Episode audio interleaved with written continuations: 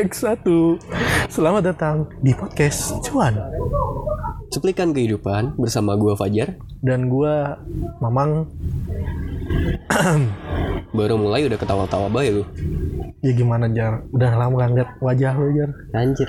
Gua. Aduh, Rasanya. anjir anjir anjir anjir anjir awkward. Parah banget sih. Ini kita udah ngeghosting pendengar selama beberapa bulan nih.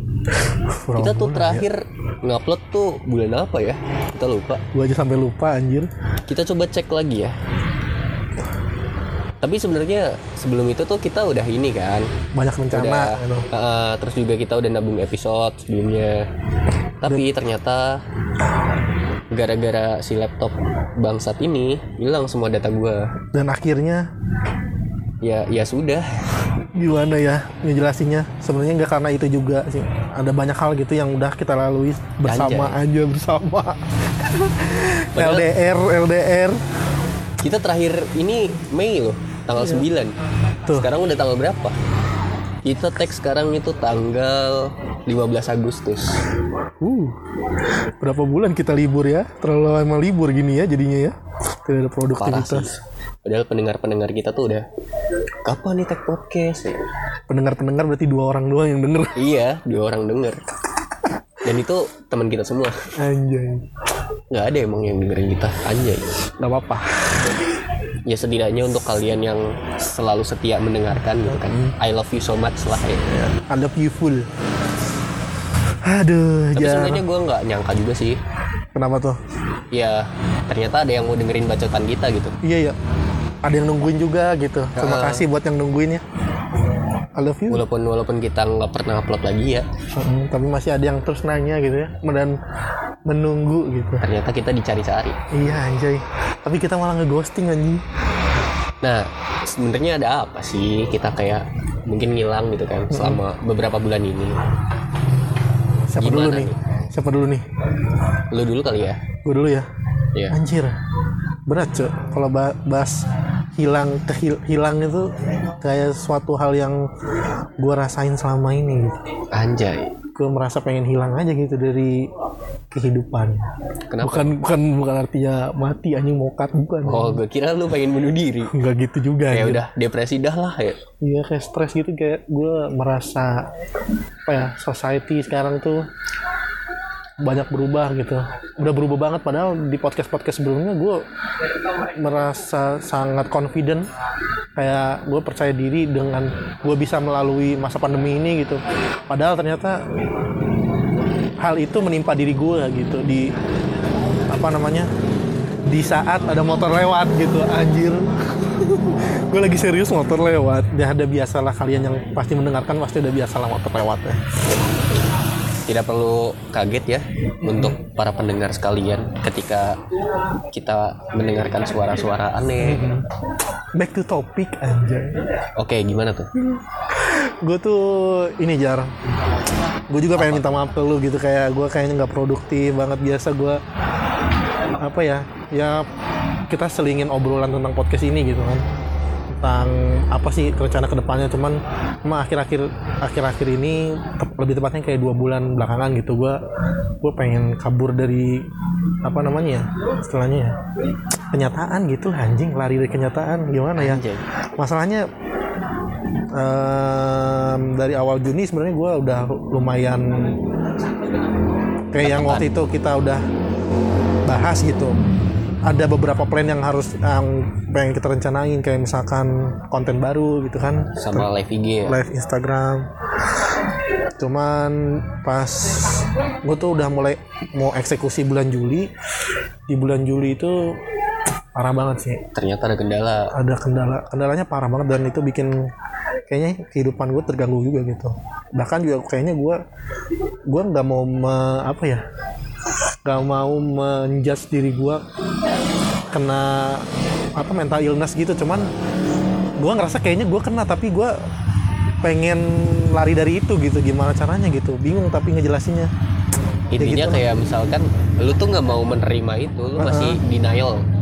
Denial bener anjir itu kata-kata yang sungguh fantas anjir sungguh fantas untuk menggambarkan kehidupan gue selama dua bulan ini gitu.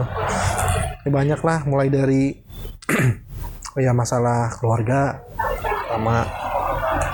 Terus eh, yang paling happening sekarang happening anjay. Season season 2 wave of pandemic. Anjay. Itu benar-benar menghantam diri gua banget. Menghantam diri gua mulai dari psikis mental sampai batin itu pokoknya semua ekonomi masalah ekonomi segala macam itu mulai mulai datang ke gua gitu bertubi-tubi malah dua bulan itu. Jadi seolah-olah gua nggak mikirin diri gua sendiri gua mikir lebih mikirin banyak orang. Mm, banyak orang di luar sana gitu dan mikirin keluarga gua juga gitu sama dua bulan itu. Ya ada apalagi di bulan Juli ya yang menurut gua gua nggak bisa lupain gitu. Ya mungkin yang kalian tahu lah. Sekarang kayaknya susah untuk nyari orang yang nggak kena nggak kena covid gitu. Dan gua lingkungan ini enggak sih? Kayak dulu kan covid ini kayak jauh banget gitu. Mm-mm. dari misal kayak temennya teman kita Hmm. yang kena gitu kan atau mungkin ya orang yang benar-benar kita nggak kenal gitu sama sekali. Dan kita nganggap angka kematian yang 0, berapa persen itu kecil gitu kan. Iya. Tapi Sekarang- di masa sekarang nih kayak mulai deket sama kita lingkungan yang kena covidnya. Hmm, justru justru itu yang bikin gua kaget gitu. Dan betapa kagetnya gua banget jadi kayak da apa ya apa namanya ya? Aduh emosional. Anjay, Anjay. emosional banget. Jadi gue ngerasa ya ketika itu datang ke diri gue gue malah belum siap menerima itu gitu. Ketika covid 19 menyerang apa eh, lingkungan lu. lingkungan gue gitu. Bener-bener keluarga gue itu keluarga gue yang dekat banget. Dan gue apa ya gue bener-bener care banget gitu. Malah mereka yang jadi penyintas covid gitu tapi lu ngerasa gak sih kalau misalkan 2021 ini kalau menurut gue ya Hmm. itu tuh lebih lebih fuck up lagi dari dari yang 2020. 2020 anjir. Gue ya? ngerasa kalau misalkan 2020 tuh gue masih merasakan apa ya? Energi positif vibes-nya tuh ada gitu loh. iya iya Walaupun mungkin emang ada beberapa rencana yang terbengkalai gitu. Hmm, Tapi gue ngerasa kayak ya masih bisa menikmati lah. Iya. Dibandingkan dengan 2021 ini, Cok. ya gue juga gue juga kayak gitu jadi kayak padahal gue udah memulai vibes yang bener-bener apa namanya mem- apa ya istilahnya lu emosional anjing. Kayak udah gue udah mulai sesuatu dengan penuh dengan penuh semangat gitu dengan ini energi tapi pas datang ke gua menghampiri Ternyata gua siap. ternyata gua belum siap Iya, gue juga ngerasa kalau misalkan gue kira dengan COVID tuh bulan apa sih dulu Maret ya? iya Maret. Berarti kan udah ada sekitar ya katakanlah 9 bulan gitu kan. Kita menyesuaikan diri gitu. Tapi ternyata ketika si 2021 ini datang 9 bulan persiapan itu ternyata belum cukup belum gitu. cukup nggak malah menurut gua nggak nyampe angka 50% 25% juga kayak apa ya kayak kita belum siap aja gitu emang benar-benar belum siap Mungkin karena ini sih kayak kita eh, kan ini kan kondisi baru lah ya kita bilangnya. Itu kayak drastis juga perubahannya. bener Gue ngerasa sih lebih drastis ini ya daripada 2020. loh drastis banget sih jar menurut gua jar cok jing ya gua gua aja gua gua gua aja ini emosional banget sih ngomongin ini. Astagfirullahaladzim ya Allah. Subhanallah walhamdulillah wa la ilaha illallah akbar wa masalahnya Dan diiringi iya, itu. dengan suara-suara motor. ya kita kita Gimana gimana? kita kembali ke ini ya vibes yang lama udah kita nggak temuin gitu. Apa Lebih- ya gua ngobrol sama lu lagi gitu kayak kayak apa ya kayak gua mengulang mengulang mas padahal cuma tiga bulan. Padahal cuma tiga bulan tiga bulan itu menurut gua kayak udah kayak setahun anjir. Gua melewati masa-masa sulit. Wah emang beneran. iya. Ya gimana ya?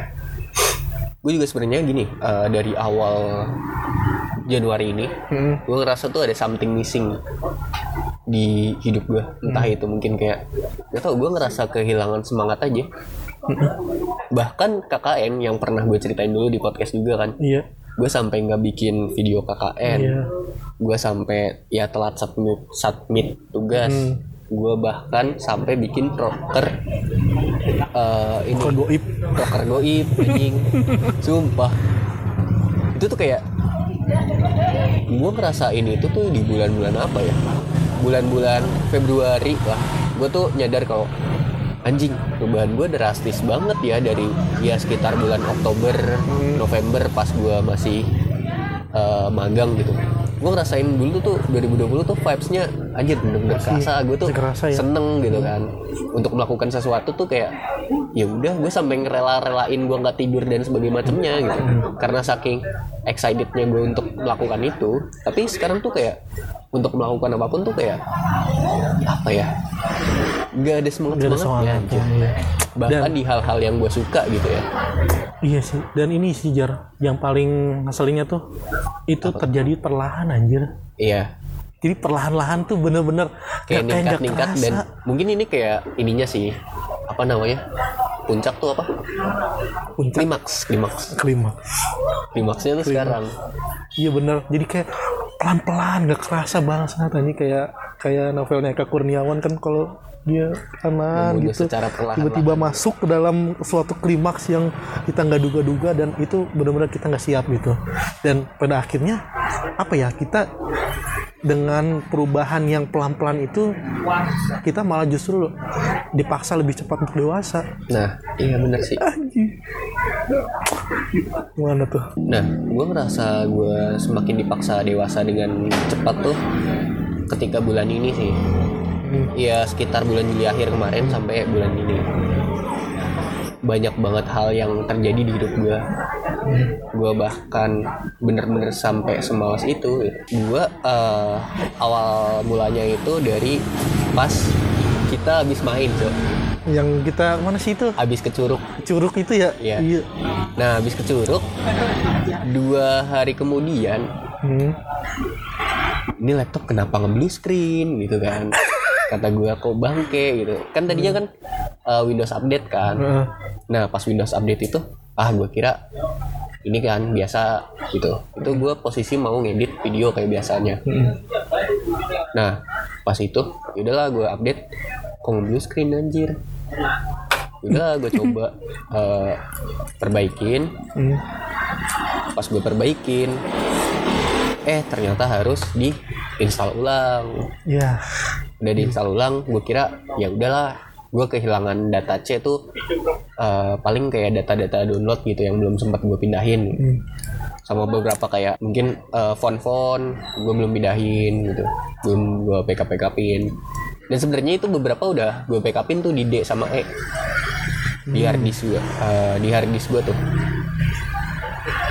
Nah ternyata pas gue install ulang udah nih si harddisknya ini rusak BDO Hmm. eh bilang BDO apa sih bad sector itu awalnya tuh kekunci kan Hmm. gue cuma ada dua pilihan kalau enggak di reset Hmm. oh enggak ding ini bukan harddisk yang rusak cok gue udah pakai SSD ternyata lupa Ah, nah saking banyaknya ya gue kehilangan data gitu kan ah. Sampai lupa tuh. Gila. Nah, yang SSD ini karena dia tuh eh, kebaca gitu. Jadi tuh ada di Windows tuh ada namanya BitLocker, aplikasi BitLocker. Dia kalau misalkan emang eh, laptop lu pakai SSD biasanya auto turn on. Hmm. Nah, ketika nggak tahu ya, gua ngerasanya mungkin pas install ulang juga sih. Gua nggak lihat-lihat terus gua hapus semua kan. Hmm. Mungkin di situ ada key-nya tuh. Hmm. Si key-nya itu di situ gitu. Eh, tapi ternyata pas gue coba buka, pas diinstal ulang, kok ini kelok si SSD-nya. Hmm. Yaudah satu-satunya cara, eh ada dua cara. Hmm. Kalau nggak nyari si key-nya itu sampai ketemu, Hmm. ya gue harus reset semua data hilang data kerjaan data foto-foto terus kayak dokumen gue skripsi gue dan lain-lain gitu kan yang gue memang anaknya males untuk nge-backup jujur aja nih ke cloud aja gue belum belum nge-backup jadi ya udah semuanya hilang di telan bumi Parah sih anjir itu. dari situ gue udah males gitu kan kayak aduh gue nggak punya semangat hidup lagi anjir dari situ gue ya agak gois gitu kan agak gois Guys. Guys. bener-bener gue untuk melakukan sesuatu tuh kayak butuh sesuatu yang apa ya bisa dibilang anjir lah. Terlalu males gitu untuk melakukan sesuatu Gak ada dorongan sama sekali ya. Iya. Terus juga waktu itu kan emang kayak kerjaan yang untuk mendorong gue keluar juga nggak ada gitu kan. Sama ya akhirnya gue untuk coba untuk recovery sendiri gitu. Eh dihantam lah sama PKM. Nah Gue nggak bisa keluar sama sekali. Gue bener-bener survive di kosan sendirian anjir. Iya anjir. Ada sih teman kos cuman ya tahu sendiri lah lu. Yang itu yang ibu. Oh yang ibu udah keluar Oh, cowok. udah keluar. Eh nggak boleh gitu anjing. Tapi emang bener-bener nolep sih. Kebangetan anjir. Nah, ada tuh eh, salah satu teman kos gue, tapi emang nggak pernah nyapa. Soalnya dia juga di kamar terus kan. Hmm. Yaudah, gue juga pas ppkm itu gue nggak ke mana-mana. Gue bener-bener di kosan. Paling kalau setiap malam gue selalu keluar ke rooftop. Ya untuk ini, untuk apa namanya? Menjaga kewarasan aja. Anjir, anjir.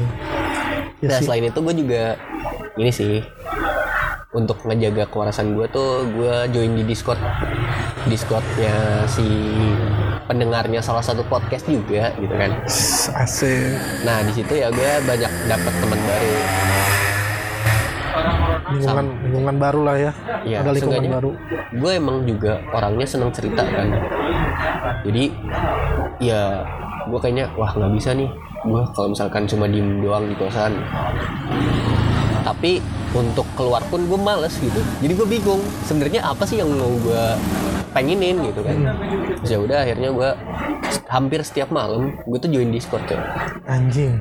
Itu itu jadi kayak apa ya pengganti interaksi kita di Dunia dunia, nyata. nyata, anjir. Mhm. Tapi bener-bener emang itu jadi suatu keharusan anjir. iyalah ketika lu cuma mendem apa yang lu rasain sendirian tuh nggak enak gitu. Iya. dan kenapa gua di discord itu ngerasa aman? Mungkin karena eh, satu mereka or, eh, mereka bukan orang yang gua kenal gitu kan. Ini bener-bener orang baru.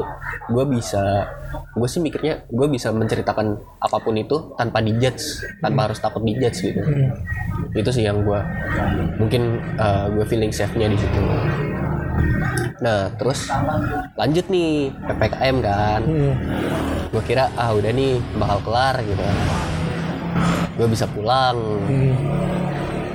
nah ternyata diperpanjang lah Anjing ya itu tuh yang diperpanjang tuh. Gehe ngehe level, banget itu. level 4 yang Ada level. pertama kali Kayak geprek anjir ada level. kayak Ricis cok kita iya bener juga. Eh jangan sebut merek. ya siapa tahu mau Ricis mau endorse kita silahkan Minum ya. gue tuh gue kira tuh kan udah mau selesai kan itu ternyata diperpanjang terus di Discord itu ini lanjutnya ceritanya bulan Juli kemarin berarti nih. Di Discord itu ada salah satu anak gitu kan. Dia tuh backgroundnya dari anaknya anak industri kreatif banget nih. Anjing. freelance gitu kan. Iya. karena ya ling ya lu tahu sendiri lah lingkungan kita juga ada yang seperti itu dan dia duitnya banyak kan. Heeh. jadi gue percaya aja nih. Nah habis itu gue kan tadinya ya cuman basa-basi aja gitu kan Heeh. gue nanya eh eh tan eh apa namanya PC harga segini itu dapatnya apa aja gitu kan Heeh. Nah, ternyata pas itu dia jawab gini-gini segala macam. Udah besoknya beberapa hari kemudian lah, Hmm. itu dia nawarin. Itu udah akrab banget ya.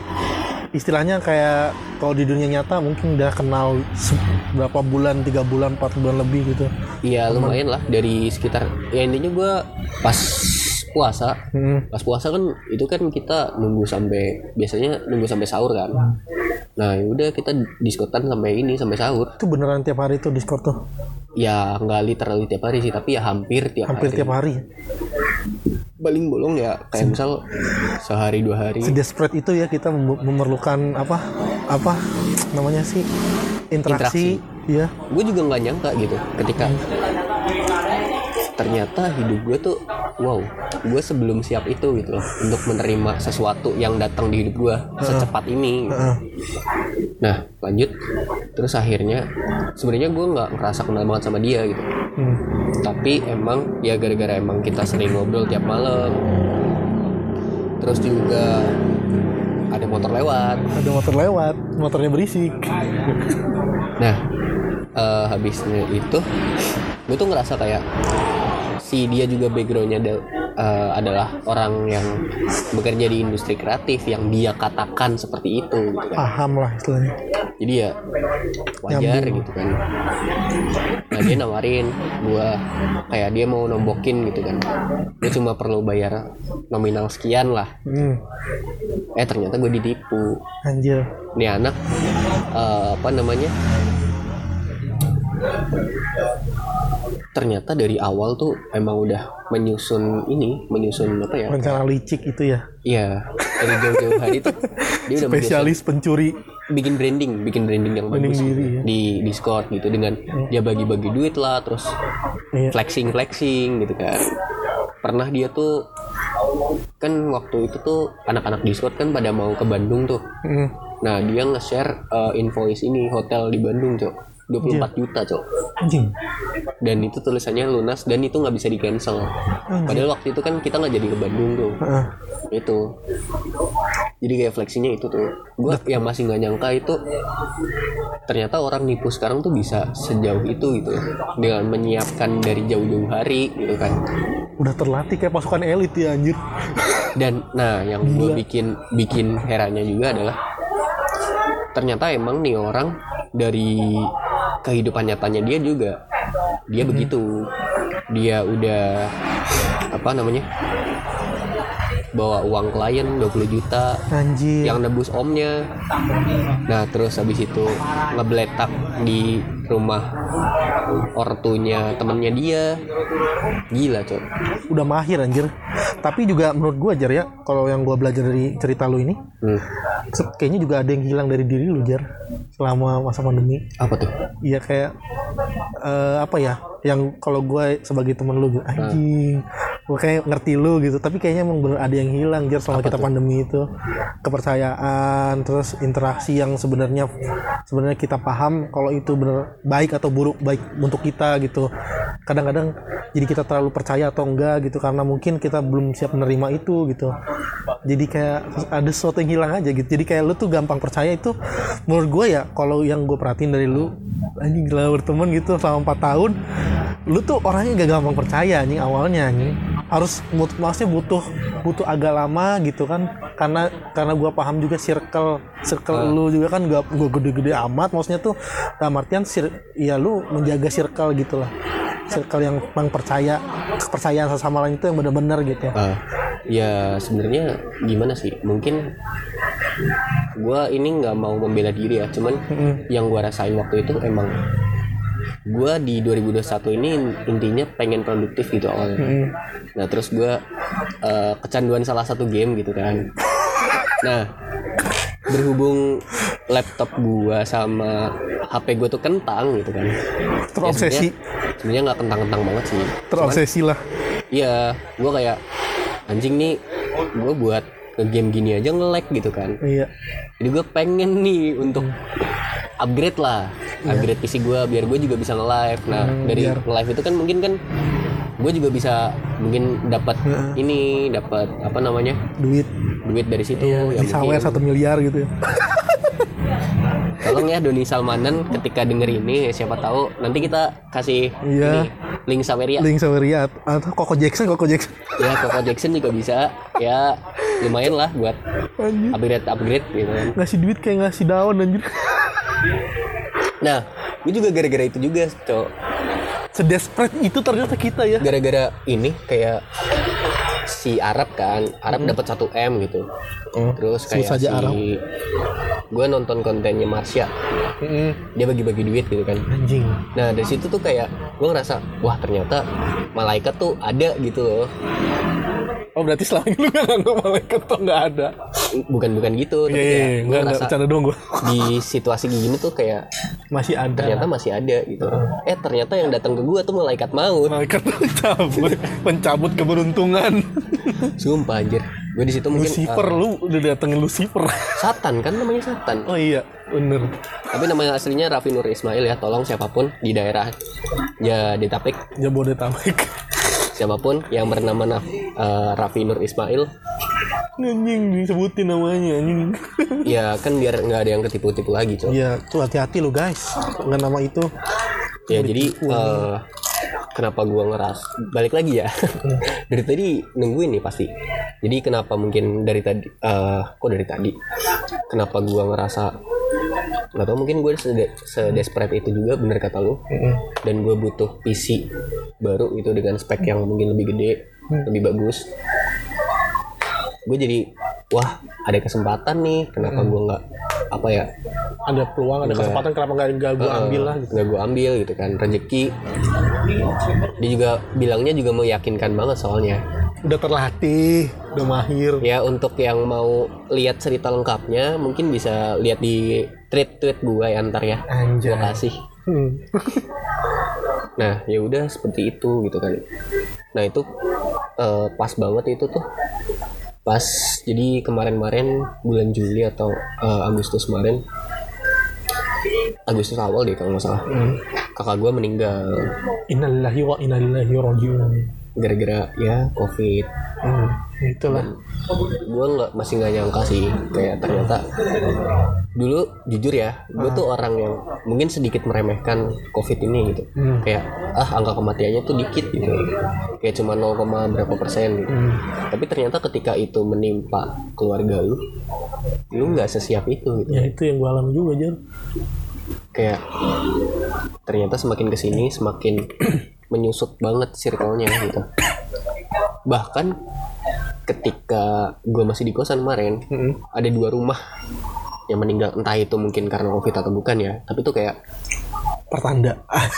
nggak pertanda juga sih kayak maksudnya Mengingat. men, banyak banget orang meninggal coba sekarang coba iya mengingat, di pengingat. mana-mana Iya.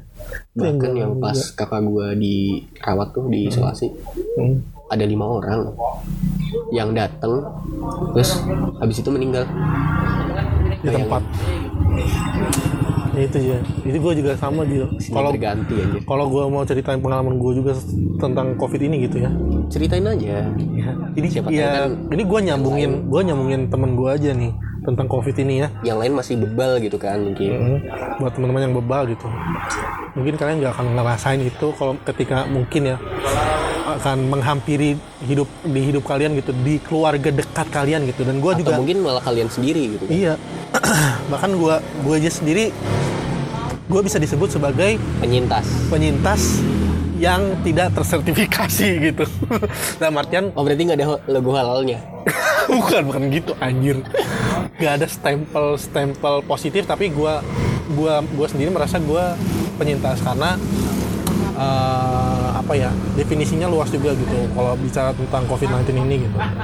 Nggak cuma penyintas dalam artian kita terkena COVID-nya tapi orang terdekat kita pun kalau misalkan terkena COVID kita pun akan merasa menjadi seorang penyintas di saat yang sama gitu. Dan itu terjadi di hidup gua gitu mungkin kalau kalau gue boleh sedikit cerita gitu kan di bulan Juli ini ya yang tadi gue bilang gitu kan.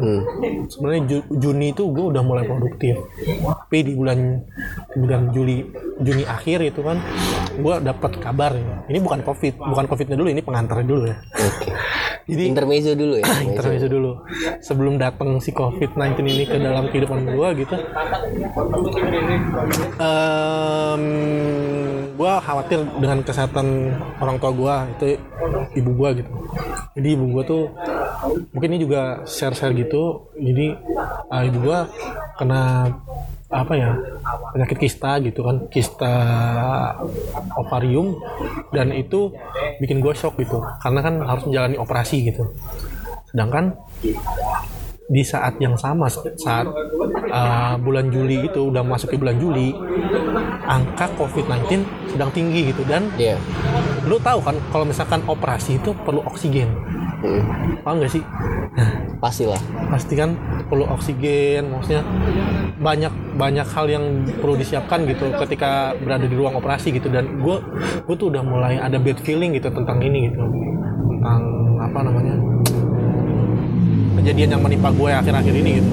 Dan ternyata benar ketika ini udah mau masuk klimaks jadi udah ketika orang tua gue udah masuk meja operasi eh, di situ yang khawatir tentu aja bukan gua aja gitu. Hmm, satu banyak. keluarga semua. Dan yang paling khawatir pasti ibunya ibu gua alias nenek gua gitu. Kan namanya feeling seorang orang tua gitu kan. Iya. pasti sama anak itu kuat banget. Dan akhirnya jatuh sakit. Saking mikirinnya gitu kan. saking mikirnya jatuh sakit dan gua jadi bercabang pikiran gua. Jadi kebagian antara nenek Iya. sama nenek gua ibu gua dan saat itu nenek gua tuh di dekat gua gitu. Berada di satu rumah dengan gua gitu nungguin ibu gua yang sedang operasi pada saat itu. Itu tepatnya tanggal Juli tanggal 15 setelah operasi. Berarti sebulan lalu ya. oke setelah operasi itu em, berjalan lancar lah lancar. Tapi di saat itu ada kejadian yang bikin gua stres juga. Apa tuh? jadi ya nenek gua saking mikirinnya gitu kan namanya orang tua mikirin anaknya dia jatuh gitu kan jatuh. Ya namanya udah udah lansia gitu kan jatuh terus pingsan nggak nggak sadarkan diri. Sementara itu pas udah siuman pas udah apa bangun dia bilang ini jangan diceritain ya gitu sama orang tua kamu takutnya sama ibu gua terutama. Pikiran Tuh, gitu. kepikiran juga kan lagi operasi mikirin orang tuanya yang jatuh tiba-tiba sakit pingsan. Ah pokoknya bingung lah gue ya. Udah gitu akhirnya orang tua gue pulang setelah tiga hari opname tuh.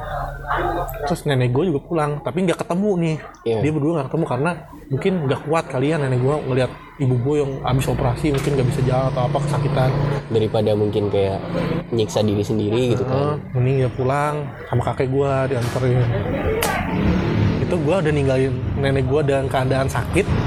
Jatuh habis itu kan gua nggak tahu kondisinya gimana. Gua ngurusin emak gua nih ibu gua di rumah gitu kan karena kan nggak bisa jalan gitu kan jalan dituntut segala macem.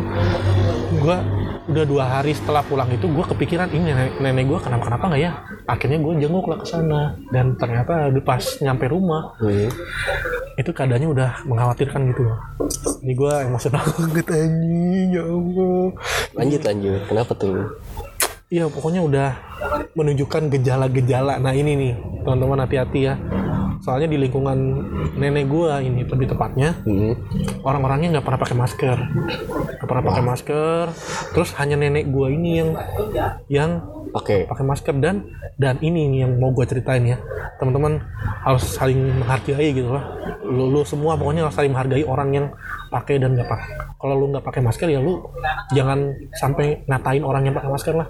Soalnya nenek gue tuh waktu tuh cerita dia di ya istilahnya dapat perundungan sosial gitu. Kok ngapain sih pakai masker gitu kan?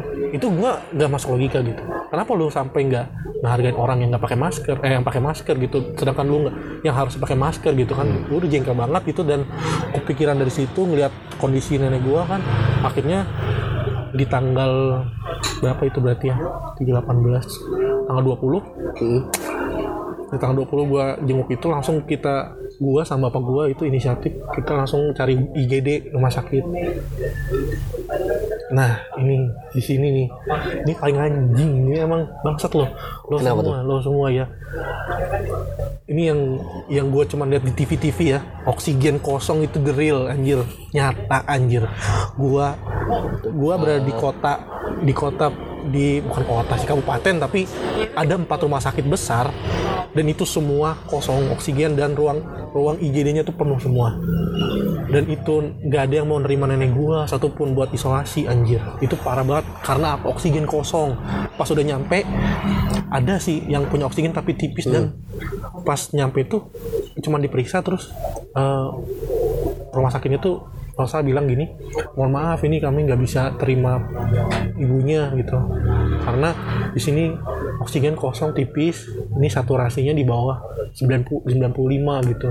Jadi kalau saturasi di, di bawah 95 itu harus udah perlu oksigen gitu. Jadi apa istilahnya ya perlu bantuan alat itu lah. Akhirnya udah keliling rumah sakit empat nggak ada yang nerima kita, kita, kita semua pulang gitu. Pulang dengan tangan kosong gitu. Tangan kosong udah lihat gue udah gue udah ngeliatin nenek gue tuh udah hopeless anjir. Tapi gue nggak bisa hopeless karena apa ya ini orang ini tuh orang yang paling dekat sama gue Iya. setelah orang tua gue gitu. Bener-bener gue dekat banget sama nenek gue jadi akhirnya gue pulang eh, keesokan harinya baru. Kita nyari rumah sakit lagi. Tapi pas di swab gitu besoknya ternyata positif gitu kan. Wow. Nah ini ini nih puncaknya nih. Positif covid gua ya pas pas masa itu. Gua Nah. nganggap diri gua salah. Tau nggak kenapa? Kenapa? Gua kira tuh gua yang ya lagi klimaks anjir. Aduh. Ya gua ciri-ciri pengendara tidak menghargai orang Iya, ngobrol ini lagi lagi klimaks tiba-tiba ada motor tuh gimana maksudnya? Ya emang kita, kita ya ya hal maklum lah. Ya ini nih, gue udah mulai menyalahkan diri gue. Kenapa Apakah apa karena gue gitu yang nularin?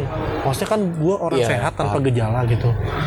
apalagi kita ya masih muda kan imun tubuhnya tuh masih kuat gitu Hmm. Karena- mungkin eh, kita bawa tapi kita nggak sadar gitu kan karena emang nggak ada gejala Nah itu, gue udah mulai di situ. Apa karena gue gitu? Gue udah mulai nyalahin diri gue sendiri di situ. Hmm. Tapi di situ bapak gue tuh udah ngasih tahu, udah berpikir positif aja. Ini eh, mungkin aja ini kenanya gara-gara apa gitu kan. Pokoknya dia bapak gue tuh nyeritain itu.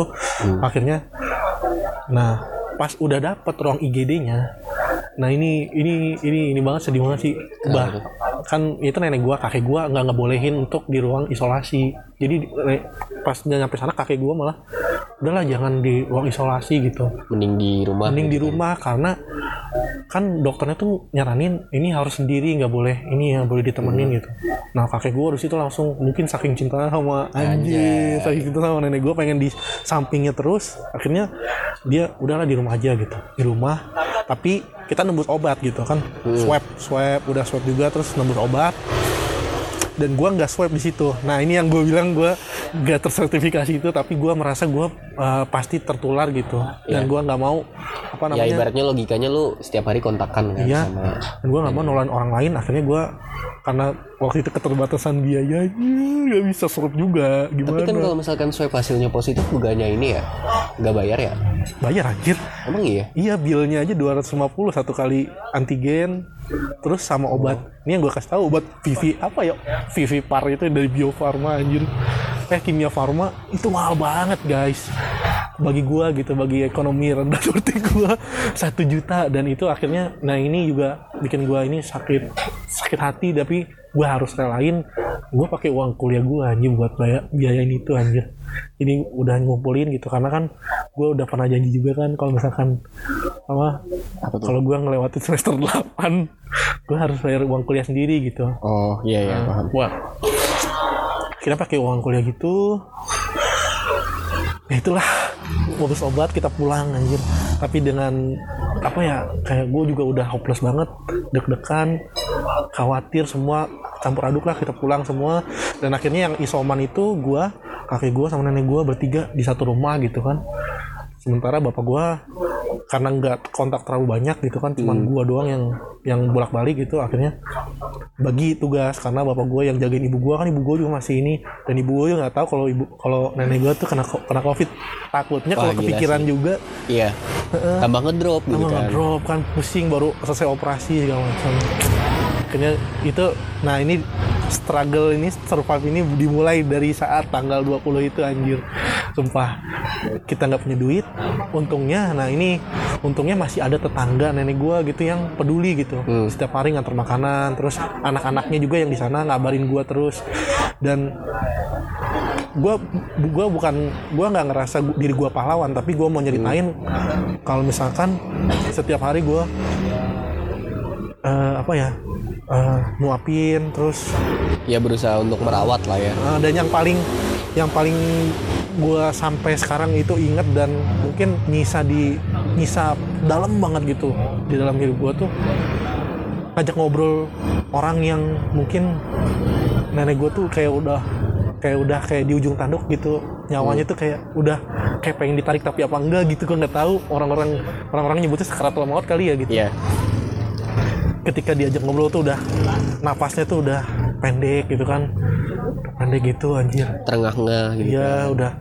Makan nggak mau gitu kan. Makannya juga sedikit-sedikit. Akhirnya gue gue dengan dengan apa ya dengan tidak memikirkan diri gue sendiri gue terus aja ngobrolin hal-hal yang nggak penting tapi bikin mungkin bisa bikin nenek gue ngobrol terus dan tetap waras gitu. Pikirannya tetap ini tetap ada gitu. Dan ada satu kalimat sih itu yang gue sampai saat ini tuh berpikir bahwa kakek gue sama nenek gue ini bener-bener couple goals anjir Anjay. waktu kita bertiga itu kan di hari kelima kalau nggak salah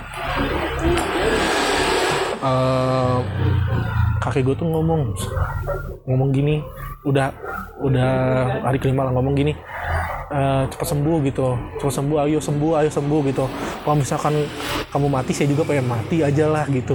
Anjing pas ngomong gitu gua anjir gimana ya? Gua kalau udah tua jadi kayak gini juga nggak ya? Gitu. Terus pokoknya kalau kamu makan saya makan kayak gitu kalau kamu nggak makan saya nggak makan akhirnya dari, mulai itu nenek gua makan mau makan Jadi gitu termotivasi gitu Iya, kan. dari kata-kata itu anjir.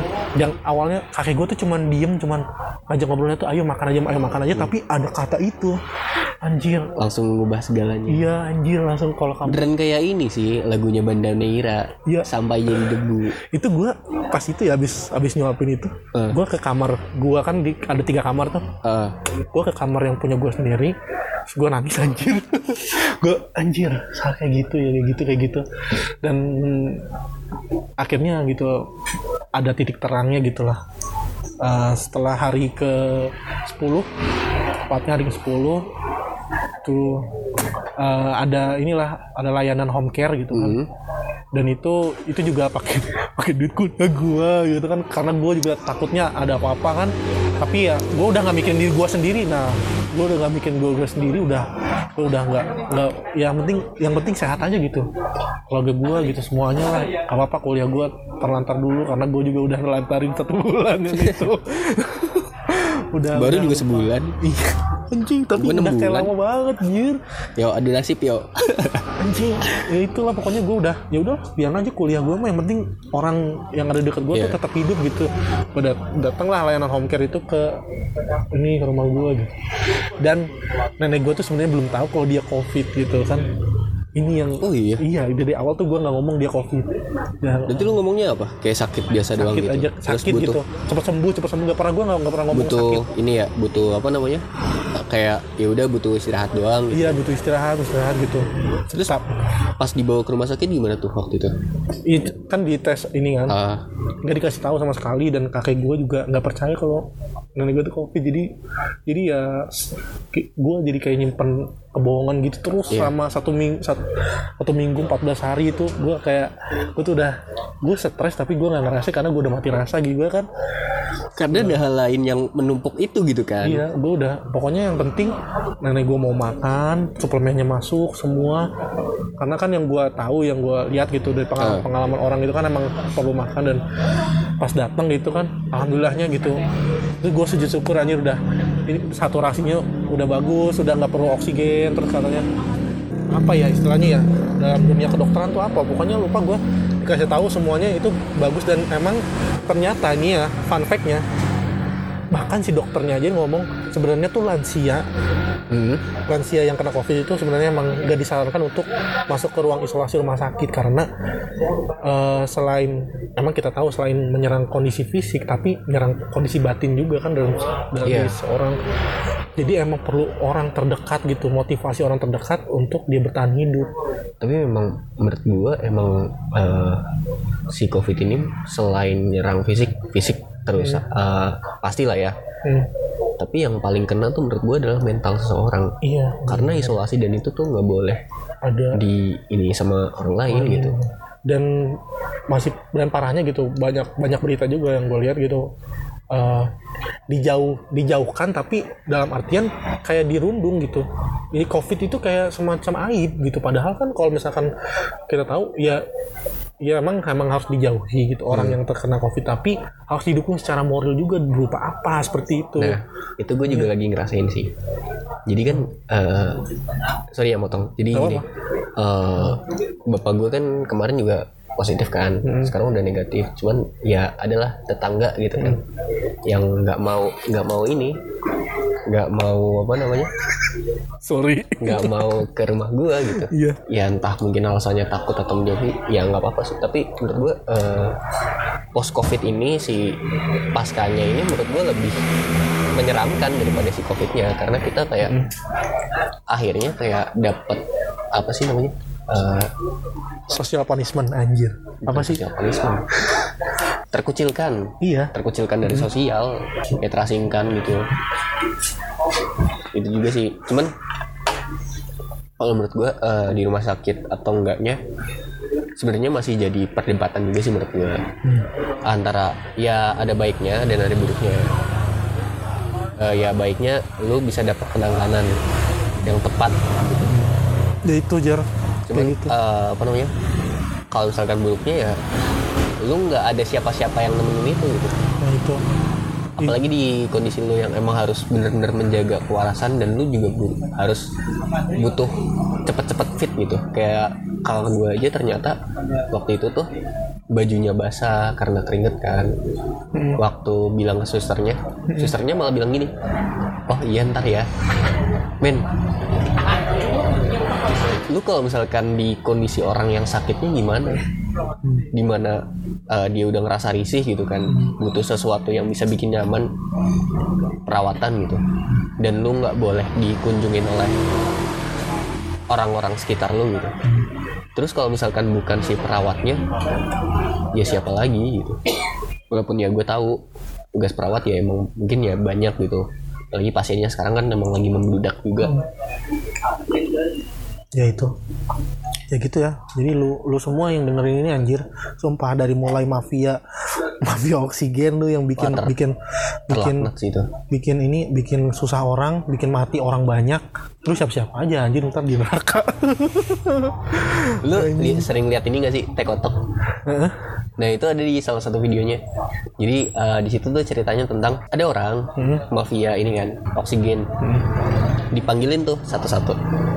Ya ini kejahatannya mafia oksigen langsung ke neraka paling bawah. Ah, anjing emang lu ya lu semua tuh mafia Tapi- oksigen anjing Gue gue masih ini sih masih nggak bisa nggak habis pikir aja. Ternyata masih ada orang yang dengan teganya gitu loh Hmm. memanfaatkan keadaan cok di tengah-tengah tengah-tengah posisi yang semua orang tuh lagi susah. sulit semua. lagi sulit lagi susah anjir lu masih aja manfaatin itu anjir dan lu udah lu lu nyolong satu oksigen itu bisa berapa berapa puluh orang yang mati anjir. Satu oksigen itu bisa berapa bisa berapa orang yang satu tabung oksigen tuh bisa nyelamatin berapa orang anjir. Itu yang gue heran juga sih. Ternyata se- setelah gue sadari gitu banyak banget yang berubah di dunia ini. Entah itu mungkin berubah atau mungkin emang gue yang baru sadar. Kita yang baru sadar sih cepatnya dan orang keadaan keadaan cepat berubah. Gitu nah itu kayak gak tau gue ngerasa manusia sekarang ini tuh kayak apa ya banyak juga ternyata yang nggak punya hati gitu. Kelihatannya emang kayak gitu sih emang maksudnya oh, manusia tuh terlihat kalau misalkan dia udah ter apa ya namanya udah da- di ujung tanduk tuh pasti kelihatan bener-bener kelihatan sifat aslinya watak aslinya itu cara-cara dia survive cara-cara gimana ya? survive-nya gimana ada yang mungkin ngehalalin segala cara gitu. Hmm, ada yang ada yang ya gotong, udahlah pasrah ya. Ada yang gotong royong ada pokoknya masih orang-orang tuh beda-beda tapi ya cara melihat seseorang aslinya gimana pas ditekan ya hidupnya. Iya tertekan. Terkutuk aja sih menurut gue orang-orang yang uh, memanfaatkan keadaan kayak sekarang ini. Kayak bahkan orang-orang yang di kasta tertinggi aja nih yang punya duit banyak juga. Dia juga menderita walaupun mungkin nggak semenderita kita gitu. Ya tiap orang pasti punya perahu dan uh, gelombangnya beda-beda. Dan apa ya kita kita harus pinter-pinter inilah menurut gue ya kalau di, di kondisi kayak gitu tuh kita harus pinter-pinter jaga apa ya tapi emang ini klasik sih menjaga kewarasan tuh emang bener-bener klasik alasan klasik tapi emang bener-bener ini harus gitu. Kita tuh bener-bener harus cari pelarian yang tepat gitu. Nah, bener sih.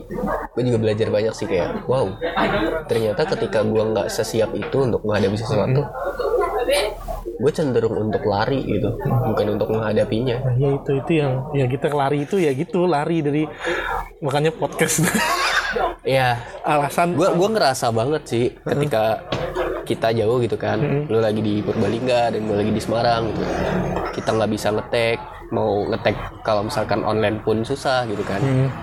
ya bisa-bisa aja sih kalau misalnya disempetin gitu cuman kayak wah ternyata sekehilangan itu karena gue ngerasa podcast ini ya Sarana. gue cuma sebagai sarana untuk gua ini aja gitu untuk stress release gua gitu wadah gue juga ngerasa kayak emang kayak gitu karena gue juga semakin ke sini semakin menurut gue ya semakin kita mendewasakan diri semakin kita terus apa ya istilahnya ya bukan umur sih lebih tepatnya apa tadi ya Ke- kedewasaan apa ya pengalaman lebih terus meningkat gitu kan.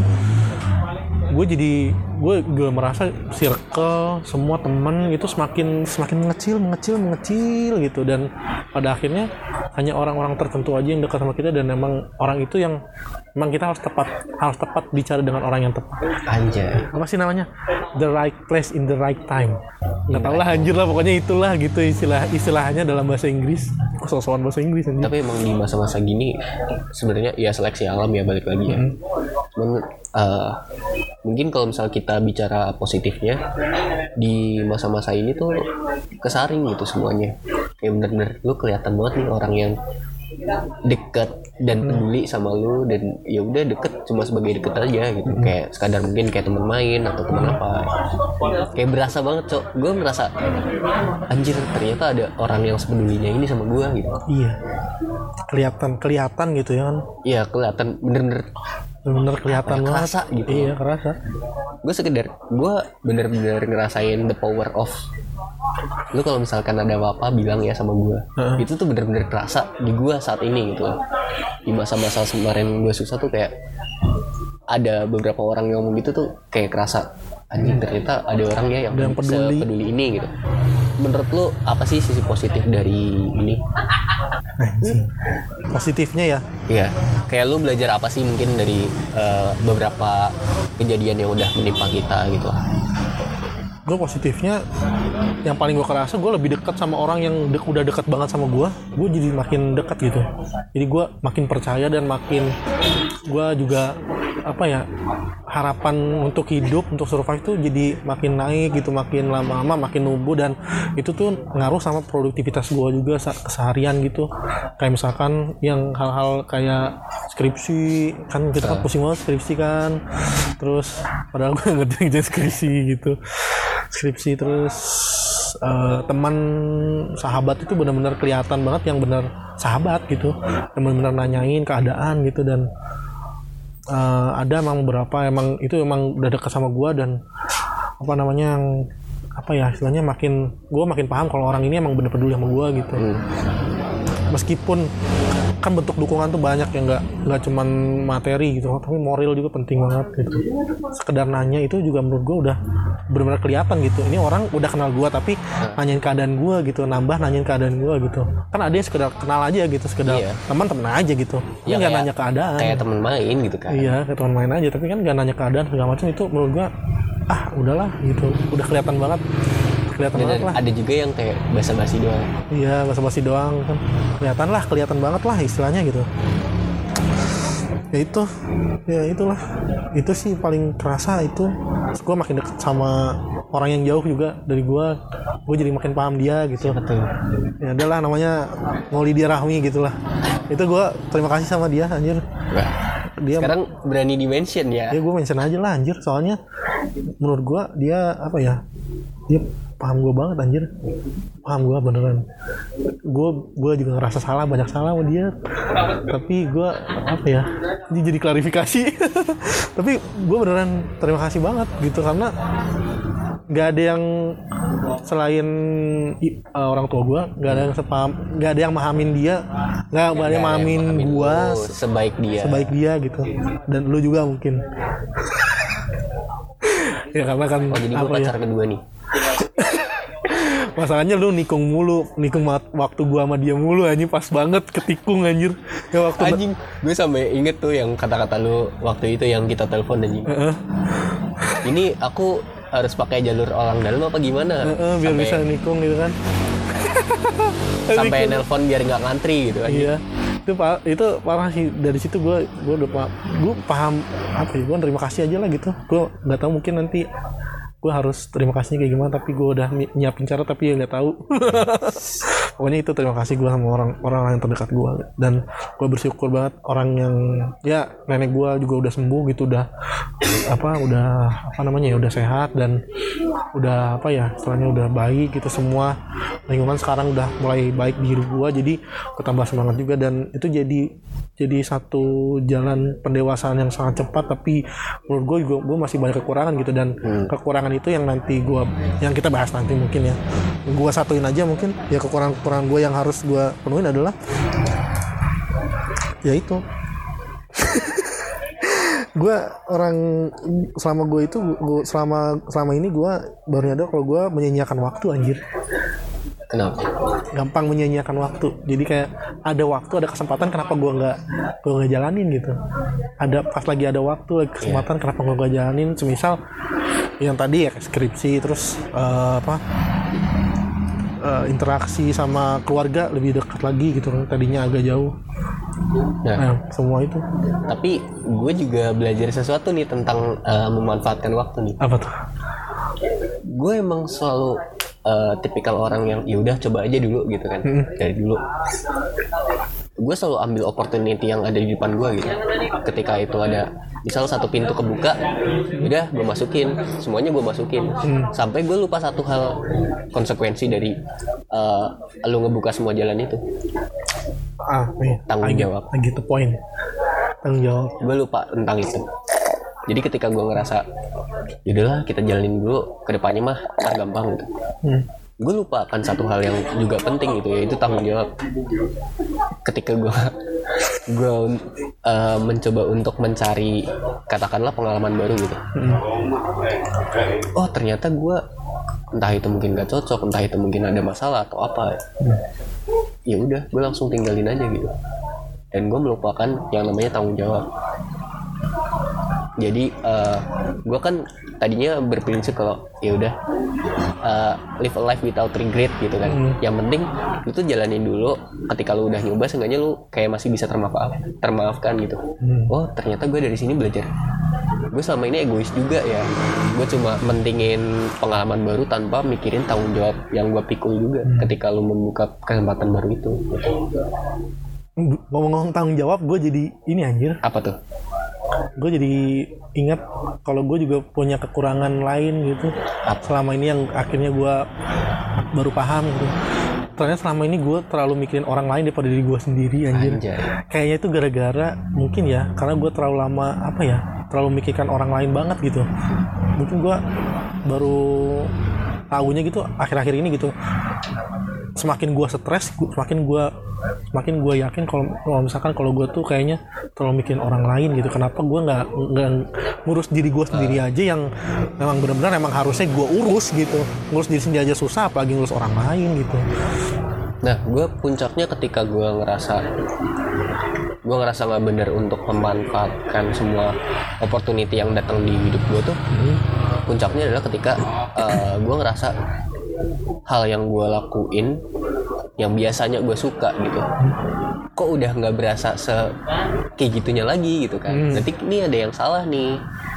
Gitu sih. Jadi kayak gue ngerasa ternyata overwork juga nggak bagus gitu. Iya iya. Ketika lu mencoba semuanya tapi lu kayak jadinya burn out sendiri ya udah. Itu kalau udah burn out tuh udah wah anjir rasanya tuh nggak tahu dah. Kalau udah nggak tahu nggak tahu ini disebut burn out atau enggak ya. Tapi gue ngerasanya sih terlalu banyak ini ya Ah, terlalu banyak terlalu membuka kesempatan pada akhirnya kita lupa jalan pulang. Nah itu. Jalan pulang Walaupun- sebelumnya walaupun ketika kita nggak ada kesempatan yang dibuka juga bingung gitu kan. Ya, itu sih. pesan gua gitu buat lo semua gitu dari dari semua obrolan kita ini gitu.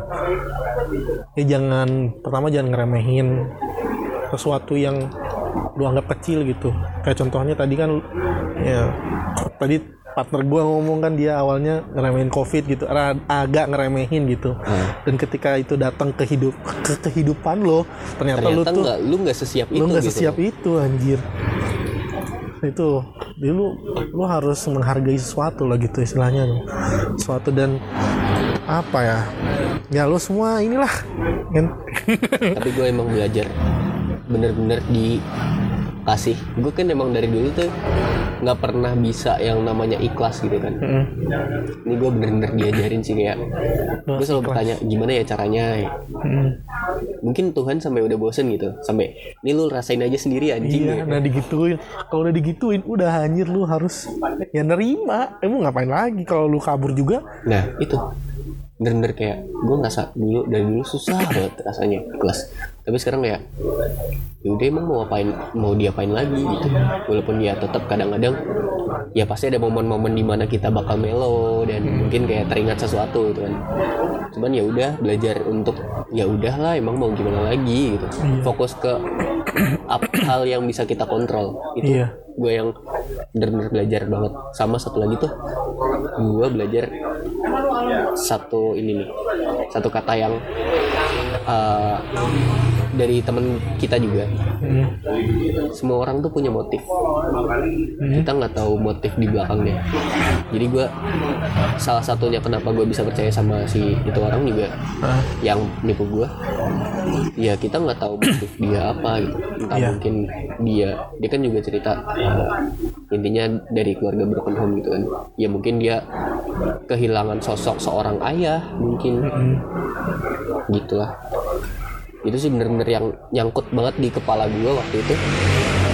Kata-kata itu kayak semua orang punya motif sendiri-sendiri gitu.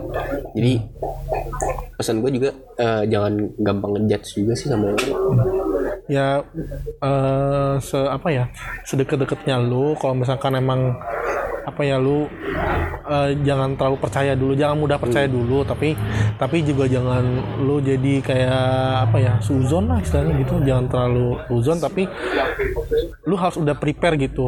Apa apa aja sih yang bakal terjadi gitu. Resiko-resikonya. terus itu ya sih. itu. Gue yang belajar belajar banget tuh eh, ini juga.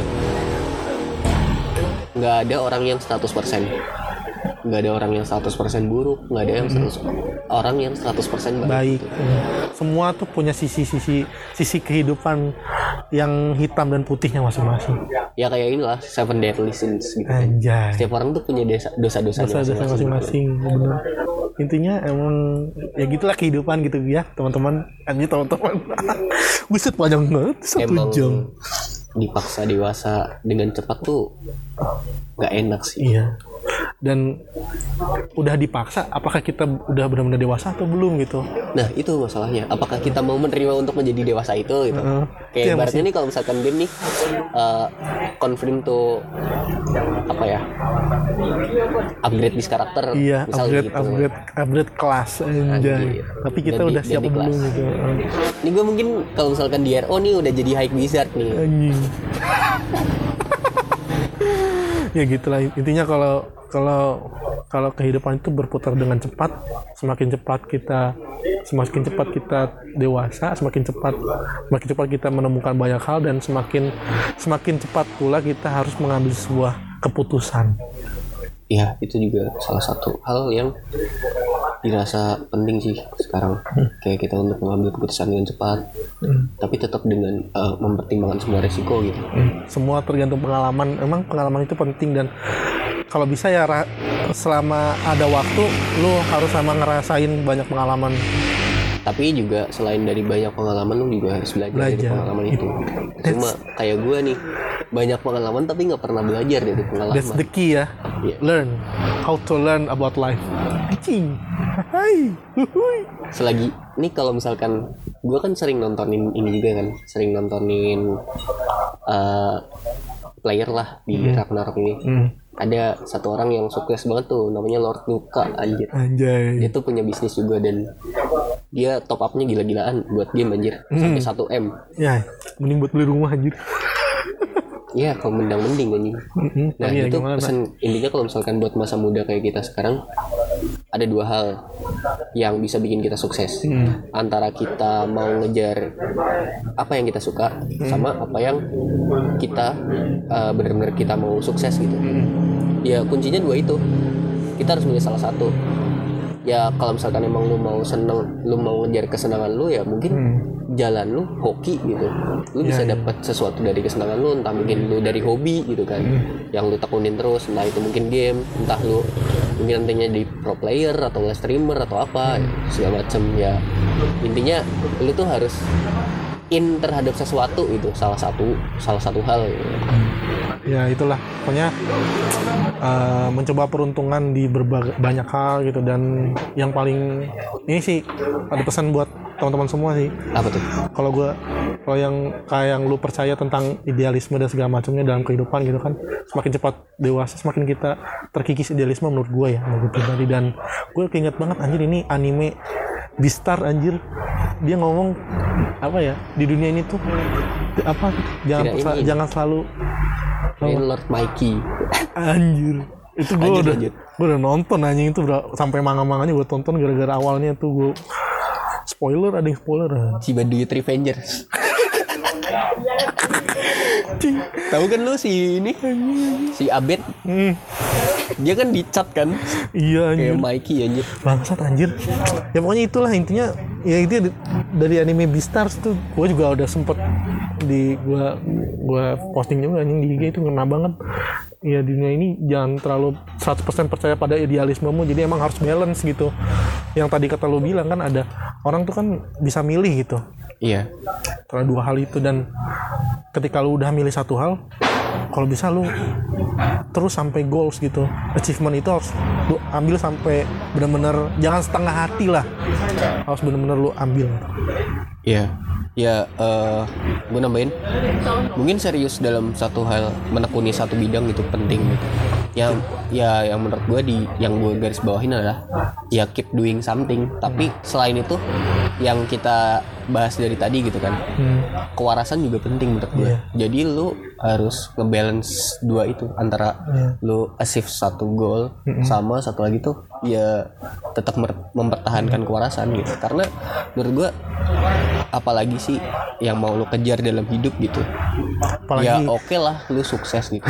Ketika lu sukses jalan lu menuju ke sana lu nggak nikmatin lu kehilangan banyak sesuatu apakah itu definisi sukses itu menurut gue apalagi di masa pandemi gini ya lu harus pinter-pinter lah gitu intinya lah karena kan bukan kondisi normal yang selama ini kita kenal gitu Hmm. udah dimatiin lampunya jadi kita closing aja kali ya Oke, mungkin itu sih pesan moralnya udah banyak nih dari tadi kan. Ya semoga kalian mungkin yang mendengarkan bisa belajar sesuatu lah dari cerita-cerita ini. Hmm. ya hidup cuman sekali jadi Ya udahlah ya, ya, nikmatin aja. Gua Fajar, Gua pamit. gua mamang aduh awkward ya Sampai jumpa. di episode berikutnya bye bye Bye bye.